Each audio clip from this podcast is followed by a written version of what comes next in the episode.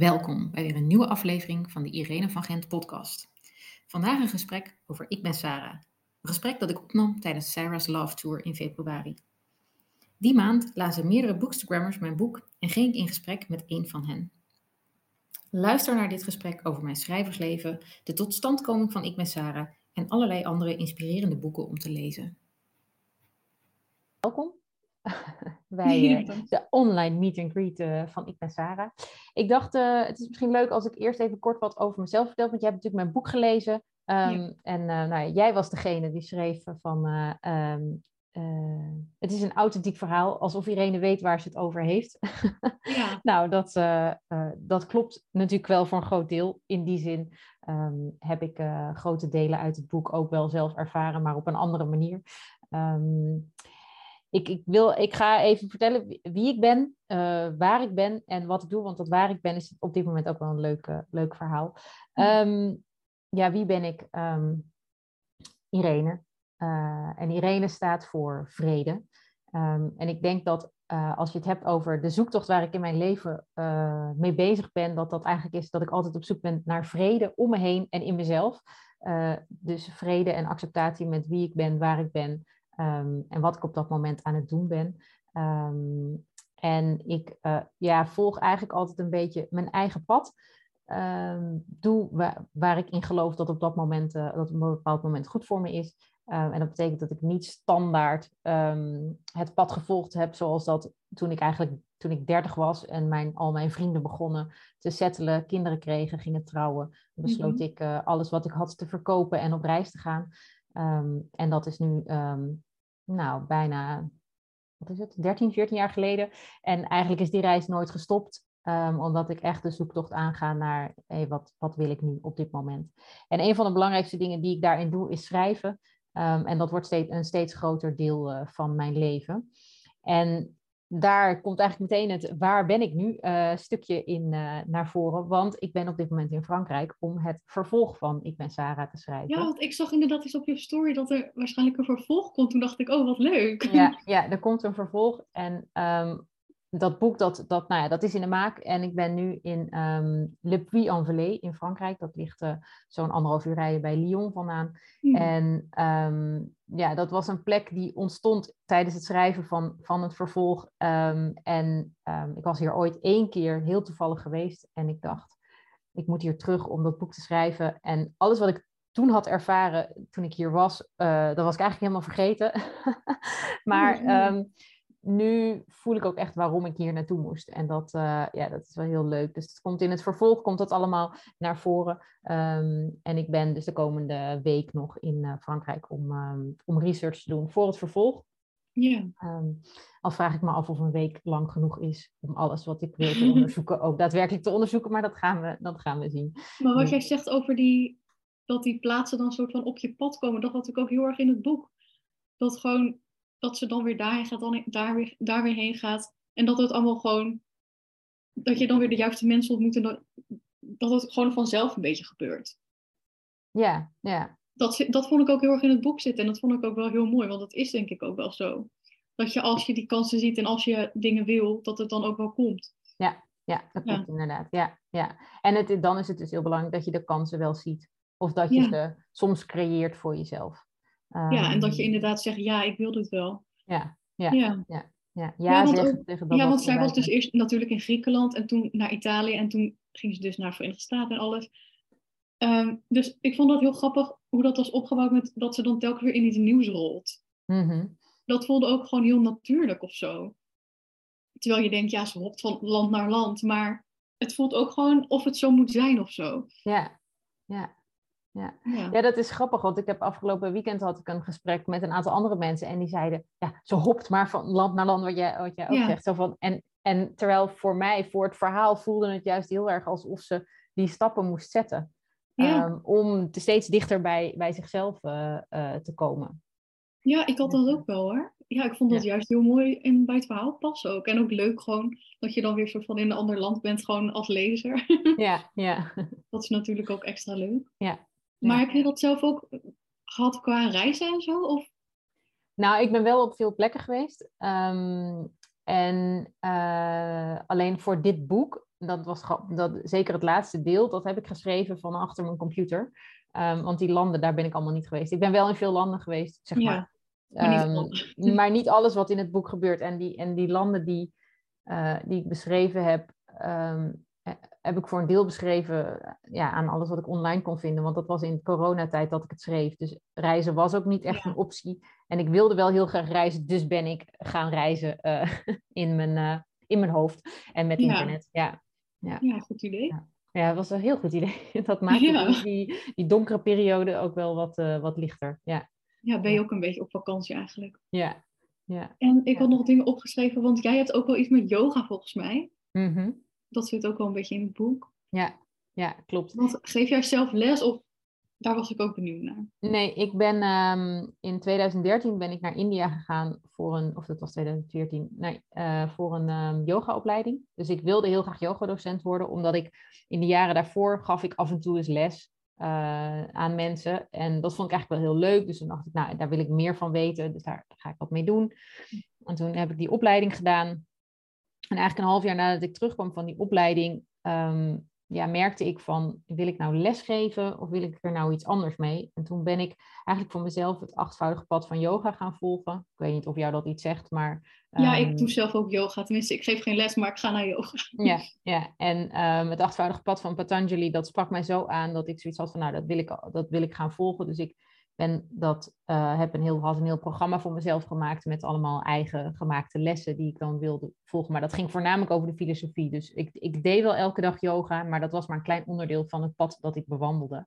Ja. En dat is eigenlijk ook wat in, het, wat in, um, uh, wat in de Yoga Sutra staat. Yoga doen is maar een klein onderdeel van yoga zijn. En, mm-hmm. Of een yogi zijn, hoe je dat ook wil noemen. Ja. En die filosofie die werd voor mij zo belangrijk dat ik wel workshops geef uh, over de filosofie, maar ik geef geen les. En ik heb een boek geschreven over de filosofie. Dus ik heb um, tien jaar, nee niet tien jaar geleden, ja bijna tien jaar geleden, uh, Geluk in acht koppen thee geschreven. Oh ja, dat zag ik achterin, ja. En dat gaat echt over yoga. Dus dat gaat over het achtvoudige pad van yoga, de, de theorieën, filosofie en over mijn ervaringen daarmee. Dus dat, is, uh, dus dat is wat ik met yoga heb. Naast het feit dat ik echt als een yogi probeert te leven. Ja. Um, in de huidige tijd en hoe dat wel of niet kan. en, ja, dat is um, altijd een uitdaging. Ja, en, en ja. daar maak ik ook wel echt mijn eigen pad van. En ik denk dat dat is wat yoga voor mij heel erg is. Um, het gaat om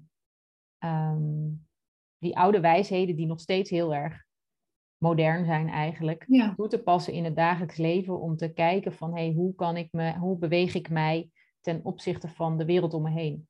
Um, en wat kan ik doen um, om mezelf daarin um, te versterken? Uh, en wat kan ik doen om mijn relatie met de wereld om me heen te versterken? Of ja, met sommige mensen, of afscheid te nemen van de dingen waar je, waar je niet gelukkig van wordt. Ja, zeker met dat loslaten en zo. Dat vond ik ook wel dat, dat in Ik ben Sarah zat. Dat zij dus afscheid neemt van die vriend en zo en voor zichzelf kiest nu jij dit zegt over dat het met die yoga uh, filosofie erachter te maken heeft, nu vallen opeens allemaal kwartjes bij mij. Mm-hmm. Dat dat inderdaad dat loslaten juist ook mee te maken heeft. Want dat, dat heb je natuurlijk ook in de yogales, dat je ook gewoon alles moet laten gaan ja. en zo. Ja. Oh, dat, ja. Ik had weer, nu denk ik, kijk ik weer anders tegenaan. Dat is leuk. Ja, ja. maar dat is, dat is um, een van de belangrijkste onderdelen uit het achtvoudig pad, vind ik in ieder geval, is onthechten.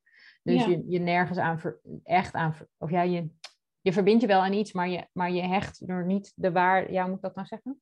Um, je ziet dat het niet van jou is. Dus, dus bijvoorbeeld ja. al die boeken die jij in je kast hebt staan, ja. um, daar kun je heel erg moeilijk, moeite mee hebben om die weg te doen. Um, terwijl eigenlijk als je er daar los van maakt, dan kun je veel vrijer leven. Ja. Als je besluit van die boeken zijn niet wie ik ben, dan zijn het nog steeds hele mooie boeken. Maar mm -hmm. je kunt er wel je, je gaat er op een andere manier mee om.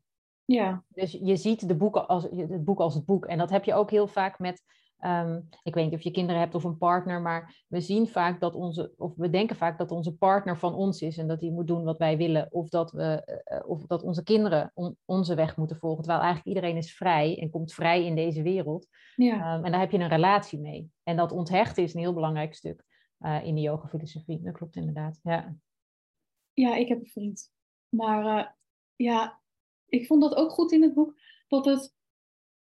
nou, dat dat gewoon best wel open was, omdat ze ook een relatie krijgt met een vrouw en zo. Mhm. Vond ik gewoon ook dat dat heel open-minded allemaal werd besproken. Dat vond ik ook heel mooi hoor. Dat het niet allemaal volgens, inderdaad, omdat het sowieso niet volgens de gebaande paden gaat van huisje, huisje boompje, beestje. Mhm. Dat dat ook gewoon allemaal dan op je pad kan komen, dat je zelf ook meer open bent en zo. Ja.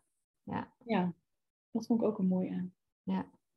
Ja, klopt. En ehm, wat heb ik nog meer opgeschreven? Oh ja, waar ik ook benieuwd naar was met die cacao-ceremonie. Want dat vond ik een beetje... Ik heb dat nog nooit gedaan, maar mijn Mhm. yoga-juf heeft dat ook een keer gedaan. Die zei dat het ook heel leuk was Ja. en heel bijzonder. Dus daar, misschien omdat ik het zelf nog nooit gedaan heb, begreep ik dat gewoon niet goed. Nee. Maar ik was gewoon benieuwd naar jouw ervaringen. Of je dat zelf gedaan hebt, waarschijnlijk wel. Ja, ja, ik had dat niet kunnen beschrijven als ik dat niet zelf gedaan had. Nee. Ehm, eh, het is ook iets wat heel, ehm, een heel belangrijk onderdeel is geweest in het schrijfproces.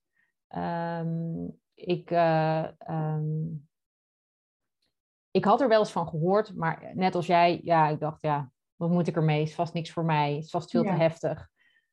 Eh, want wat gebeurt er als je dat gaat gebruiken? En ik, Ja. ik, ik heb nooit gerookt, ik heb nooit eh, gebloot of, of ehm, ik heb wel gedronken. Maar al die andere dingen heb ik nooit gedaan. Ik heb nooit een pilletje geslikt of ayahuasca of weet je of het nou eh, chemische middelen zijn of plantaardige middelen. Ik had nooit, nog nooit iets gebruikt voordat ik met cacao in, eh, in aanraking kwam. En eh, wat ik toen zei een vriendin van mij: probeer het nou gewoon. Ja. En dan, en dan zie je wel. en toen gaf ze mij een stuk cacao en zei ze: zoek het maar uit, ga het maar doen. ik heb dat gedaan en ehm, ja, ik merk gewoon dat, dat het, het, het nuttige van de cacao is een ritueel op zich. Dus eigenlijk alleen al het, het me verbinden met de, met de eh, kracht van de cacao als plantmedicijn is al, ja, dat brengt mij al in een bepaalde stemming. Daar hoef ik het nog niet eens voor te gebruiken. Maar door het ook daadwerkelijk te drinken, ja, komt mijn lichaam in een andere staat van zijn en mijn geest ook. Dus die wordt opener, die wordt ruimer en liefdevoller. Ja. Want het is te zeggen dat het ook echt een hartopener is. En dat Ja, is ja. ook zo. Want je voelt ook. Ja, de e- Kijk, bij mij verschilt het wat er gebeurt. Hè. Soms kom je in een proces waarin je eh, misschien wel heel verdrietig wordt omdat je iets aan het verwerken bent. Soms kom ik in een enorm creatief proces. Soms in een heel ehm, liefdevol proces. Weet je, dat verschilt eigenlijk per dag en per keer dat ik het gebruik. Ehm, maar het Eigenlijk helpt. ook een beetje misschien als een intense yogales, als je dan ook helemaal erin zit van... Dat heb ik ook wel eens, dat dan gewoon opeens helemaal verdriet of een of andere emotie komt. Ja. Ja. Ja. maar misschien dan nog intenser. Nou ja, het is ook zeker als je bijvoorbeeld yoga en cacao combineert, of, of eh, cacao en meditatie, of cacao en Mhm. dans, dan, dan, want ja, eigenlijk alles wat ik ook in het boek beschrijf, wat ze doet, wordt, als je daar cacao bij zou gebruiken, wordt het geïntensiveerd. Dus je, je yoga-ervaring wordt intenser, je meditatie wordt intenser, je, je, je eh, ecstatic dance wordt intenser. Het wordt allemaal net iets intenser, waardoor je bepaalde emoties beter kunt voelen. Dus ook blijheid, maar, en ook verdriet, en ook boosheid, en ook eigenlijk alles. Maar het is niet zo intens als bijvoorbeeld ayahuasca. Ik weet niet of je daar wel eens van gehoord hebt. Maar... Ja, ik ken dat wel, maar inderdaad, dat is meer dat je ook gaat hallucineren en zo. Ja, dat kan inderdaad. Dat heeft niet iedereen, maar dat kan wel. En ehm, ja, voor mij is dat, nou ja, dat, vooralsnog zeg ik, dat ga ik nooit uitproberen. Wie weet wat er ooit gebeurt. Maar eh, in ieder geval, ehm, ja, het is, eh, ehm, ja, ik vind het een heel mooi middel om dichter bij jezelf te komen. Ja. Nou misschien moet ik het toch ook een keer proberen. Nou ja, er zijn heel veel cacao-ceremonies die georganiseerd worden, waar je, waar je eh, aan deel kunt nemen om het gewoon een keer te proberen. Kijk, je kunt het ook zelf proberen, maar het, de kracht Het is van wel fijn groep- als je een beetje in een groep bent, inderdaad. Ja, Want, ja. eh, ik noem het altijd maar yoga-juf, maar mijn yoga-juf, die is gewoon iets ouder dan ik ben, maar goed. Maar eh, die was ook een keer op zo'n soort van weekend. En dan deden ze ook zo'n cacao-ceremonie. En ook met klankschalen en andere dingen. Mhm. Gewoon een beetje zo'n zen-weekend. Ja. Maar die was ook helemaal daar heel erg over te spreken. Dus ik moet dat ook nog een keer even van haar vragen. Hoe zij dat eigenlijk heeft ervaren en zo. Want nu ben ik wel benieuwd. Ook door dat boek dacht ik, is dat echt zo intens en zo? Ja. Het verschilt ook per persoon hoor, hoe je erop reageert. Want bij mij werkt het heel vaak heel snel en heel sterk. Ehm, maar dat komt omdat ik een, een klein, smal lichaam heb, zeg maar. Met niet zoveel. eh, de, eh, en bij andere mensen duurt het wat, eh, kost het wat meer. ja, die hebben wat minder ervaring daarmee. Maar ik ken, eigenlijk iedereen die ik ken, die, die ervaart er wel wat mee. Ik heb, ik heb op een gegeven moment een, een feestje gegeven. Was mijn verjaardag, waar ik eigenlijk allemaal mensen had uitgenodigd die ik heel goed kende. Vrienden van mij. Maar zij hadden allemaal nog niet zoveel ervaring met de cacao. En, en door een cacao-ceremonie te doen, alleen al het, het, het, de ceremonie en, en dat iedereen een klein beetje uh, cacao had gedronken, maakte dat er andere gesprekken ontstonden. Ja. Waardoor je in plaats van een verjaardag met, uh, oh wie ben jij en wat doe je, ja, waren er opeens hele intense, mooie, liefdevolle gesprekken allemaal. Dus dat, ja, ja, dat heeft wel dergelijk ook, effect. Ja, ik denk ook dat inderdaad als zo'n soort ceremonie is, net als in China of Japan en zo heb je van die thee-ceremonies, dat heeft ook iets, ja. Het heeft al iets spiritueels als het, als het een Ja. soort, hoe heet het? Als het een soort eh, ritueel is. Ja. Dat je ook gewoon diezelfde handelingen doet en dat soort dingen. Ja, klopt. Ja. Oh, dat is wel mooi. Ja. Leuk. Ja. En ehm, hoe, gaat, eh, hoe gaat deel 2 verder? ja, dat wil ik natuurlijk heel graag weten. Nou ja, ja, wat ik kan vertellen is dat het dus in Frankrijk zich afspeelt. Ehm, en ehm, ik ga er niet al te veel over zeggen, maar Nee. vooral de relatie met eh, Sarah's moeder hè, gaat een hele grote rol spelen in boek Oh, dat 2. is ook- Ja. Ja, want die relatie is in boek 1 eigenlijk helemaal niet, niet naar voren gekomen. Mhm. er wordt, althans, ja, ik ben wel benieuwd. Hoe, hoe denk jij dat de relatie van Sarah met haar moeder is na het lezen van dit boek? Nou, ja, die moeder kwam er niet heel erg in voor volgens mij. Alleen dus dat ze die ehm, broer of stiefbroer heeft in eh, de Verenigde Staten. Dus ja, ze hoort niet zoveel van die moeder. Dus ik denk dat ze niet echt per se een hele goede band heeft. Mhm. Want ik bel bijvoorbeeld heel vaak met mijn moeder.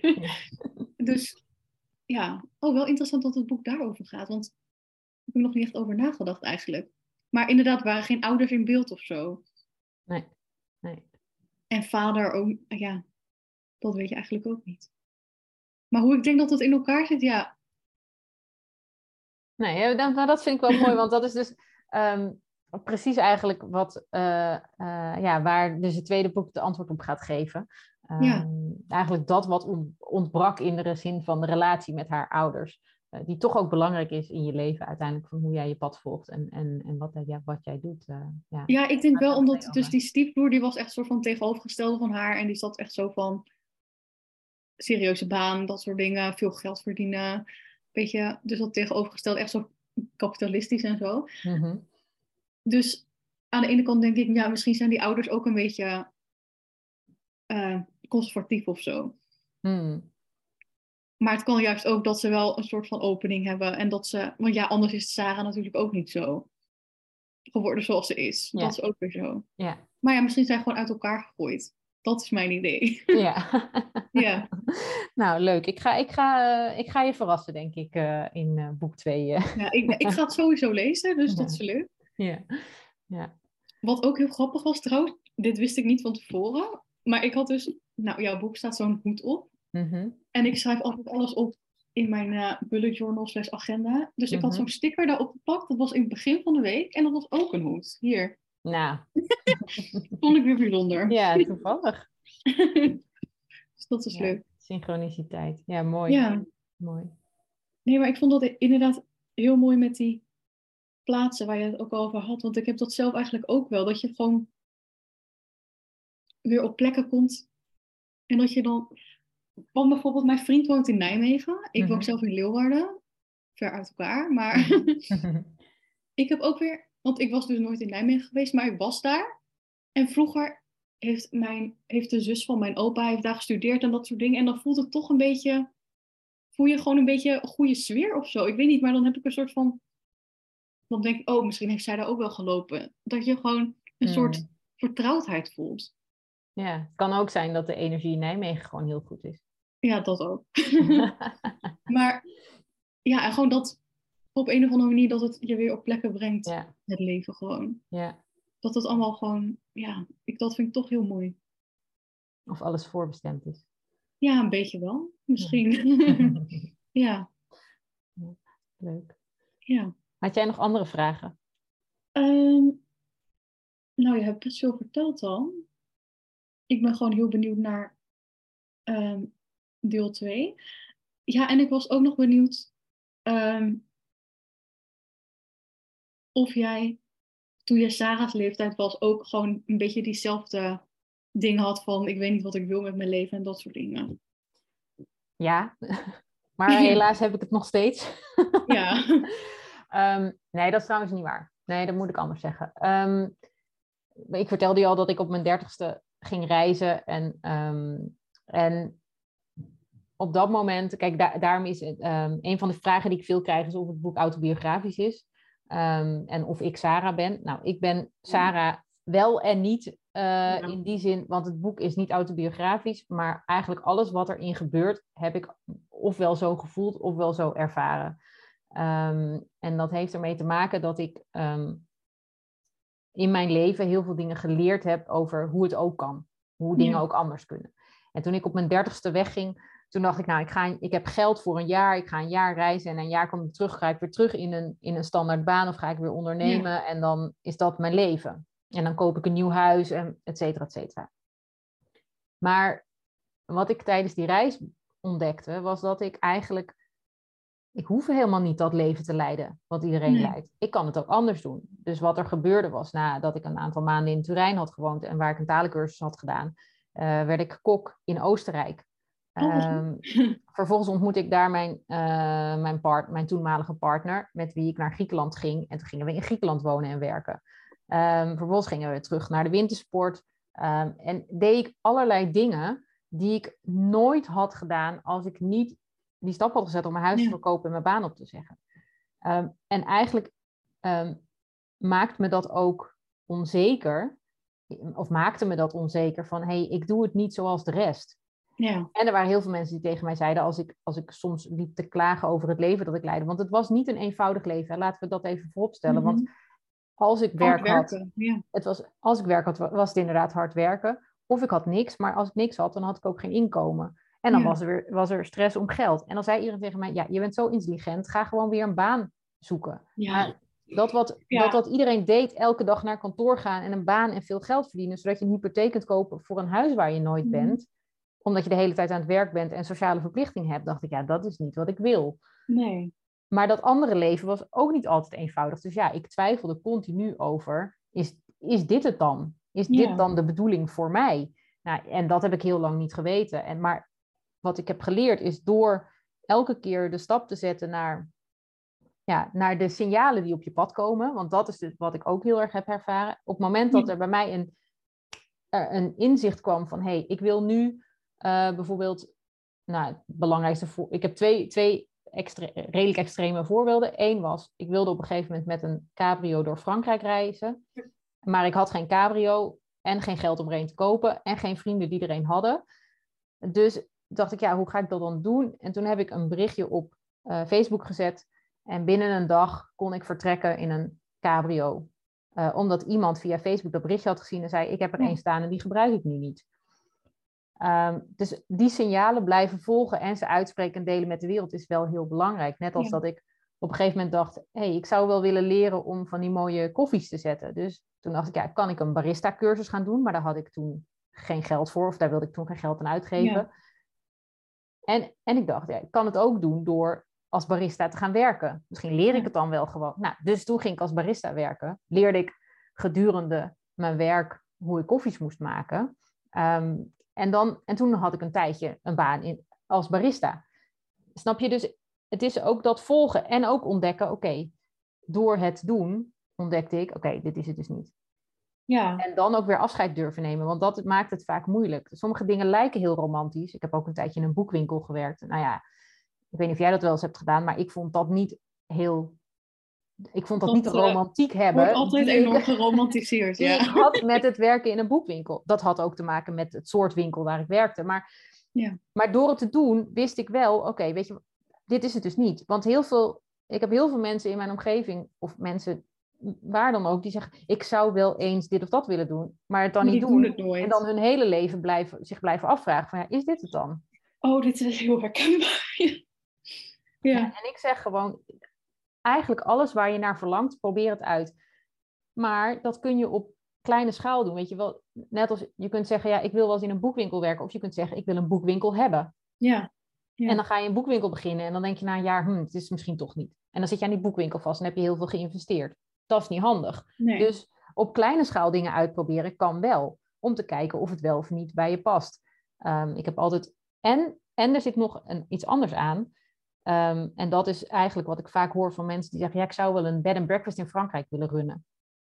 Nou, dan zeg ik: Ja, um, kun je doen. Kost maar misschien moet je. Ja, het kost heel veel geld. en het leven is echt niet gemakkelijker als jij een bed and breakfast in Frankrijk runt. Ten opzichte van het leven dat je nu in Nederland hebt, bijvoorbeeld met een vaste baan waar je elke maand je salaris krijgt. Ja, Dat is hard werken, maar s'avonds ben je vrij. En in het weekend ben je vrij en je krijgt elke maand je salaris op je rekening eh, gestort. Het enige is dat je niet op een berg in Frankrijk woont. Ja, Maar op inderdaad. berg, berg in Frankrijk wordt het echt niet gemakkelijker. Want je bent 24 uur per dag aan het werk. Je hebt elke maand zorgen of er wel genoeg gasten komen.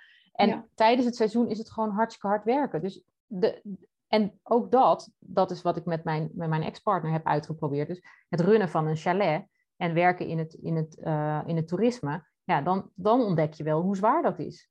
Ja, jeetje. Dat lijkt me heel heftig. Ja, inderdaad, dan moet je gewoon elke dag bedden schoonmaken, ontbijt en alles gewoon elke dag. Maar mensen romantiseren dat gewoon heel erg. Ja. Maar, en ik denk dat ook heel veel mensen hebben, die denken wel, die dromen dat allemaal wel, maar die, die, heel veel mensen zetten de stap niet om het ook echt te doen.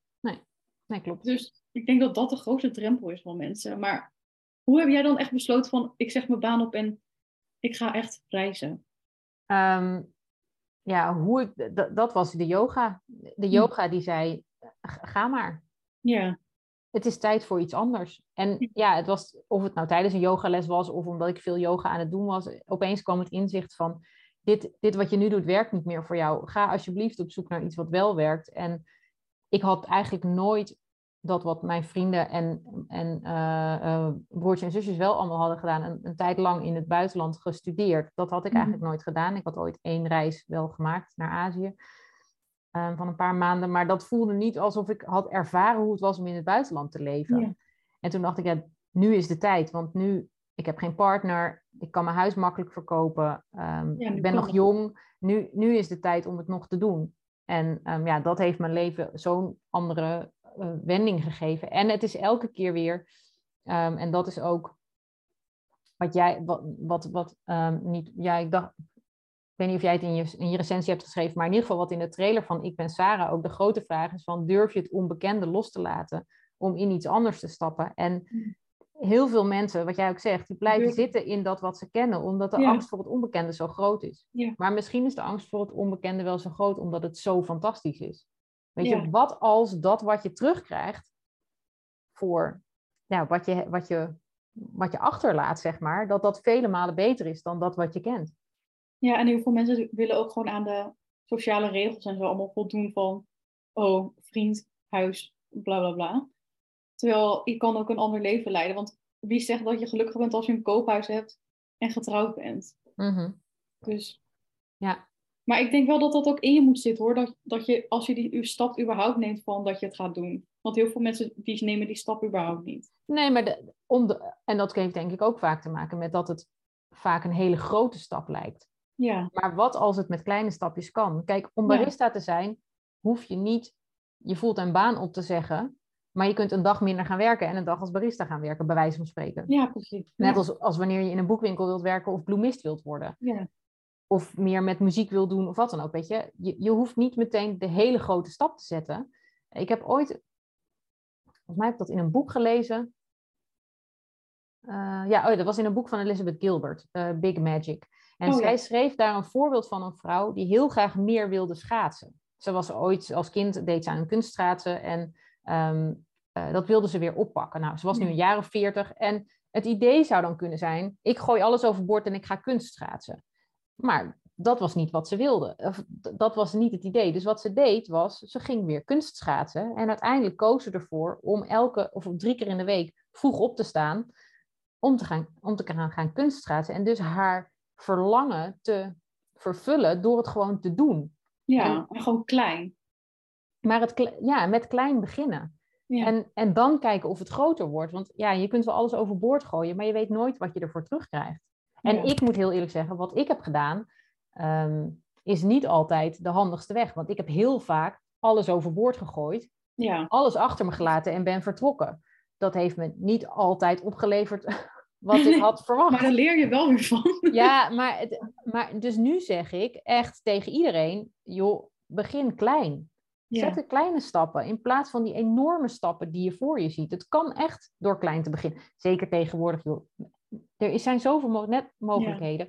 Net als wil je een boek schrijven, ga elke dag een uur schrijven. Probeer dat maar eens vol te houden. voordat je zegt van ik geef mijn baan op en ik ga de grote nieuwe bestseller schrijven. Ja, ja, ja, ja helemaal mee ja. Dus ja, ja. Dus dat probeer je ook gewoon, dat probeer je eigenlijk mee te geven met het boek. Dat je het gewoon anders kan doen. Ja, en dat, en dat het ook oké is. Want, want wat, waar ik, en dat is ehm, waar ik heel veel last van heb gehad, en ik, ik denk dat dat, ik weet niet of het in het boek goed naar voren komt, maar ik merk ook met het schrijven van het vervolg dat Sarah daar ook last van heeft. Is dat ze zich eigenlijk een beetje schuldig voelt en schaamt voor het feit dat ze het anders doet. Waardoor ze toch altijd weer net het, net niet helemaal doet. En dat is wat ik in mijn eigen leven ook herken. Zo van, ja, weet je, het mag anders. Weet je, ik heb, ik heb wel toen ik twintig was een bepaalde route gekozen. Maar dat is eigenlijk niet de route die ik wil volhouden. Wat als ik nu een ander pad kies? Wat betekent dat dan? En mag dat? En wie vindt daar wat van? En wat maakt het, er, wat maakt het uit wat anderen ervan vinden? Ja, dat, ja dat, dat herken ik ook heel erg, ja. Ik denk ook gewoon, mensen oordelen toch wel, dus ik doe het gewoon. Want ik durfde bijvoorbeeld eerst nooit, want ik maak dus ook TikTok-video's. Mhm. Eerst durfde ik nooit mezelf gewoon echt zo te laten zien met dat ik zelf in beeld was. Dus eerst maakte ik gewoon boekfoto's zonder dat je mijn gezicht zag. Mhm. Dus, maar uiteindelijk ging ik ook gewoon eerst in kleine stapjes, dus dat ik gewoon een beetje op mijn Instagram story foto van mezelf ging posten of dan gewoon tegen de camera ging praten. Maar uiteindelijk dacht ik, ja, wat maakt het ook uit dat ik gewoon tegen de camera praat als ik dat leuk vind? Weet je, als andere mensen dat stom vinden, maakt mij niet uit. Ik vind het leuk. Ja. Toen ging ik dat gewoon doen. Ja. En uiteindelijk, nu vindt iedereen het juist heel leuk. Ja. Weet je, maar in het begin heb je altijd mensen die dan uit je omgeving die denken van, wat raar allemaal. Ja, ja. Maar, en, en dat hou je toch... En misschien ook wel omdat Ehm, als je iets anders doet dan, dan wat de rest doet, dan kunnen ze er ook een mening over hebben. Want ja, je doet iets anders. Terwijl op het moment dat je allemaal hetzelfde doet, ja, dan is er niemand die er wat van kan vinden, want ze doen het allemaal. Maar op het moment dat jij er juist uitstapt en iets anders gaat doen, ja, dan, dan kom je op dat punt dat mensen er iets van kunnen vinden. Ja.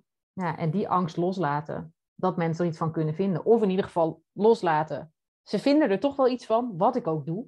Dus, dus, laat ik het maar gewoon doen. Dat denk ik ook wel, ja. dat probeer ik ook altijd te denken. Oh, oh.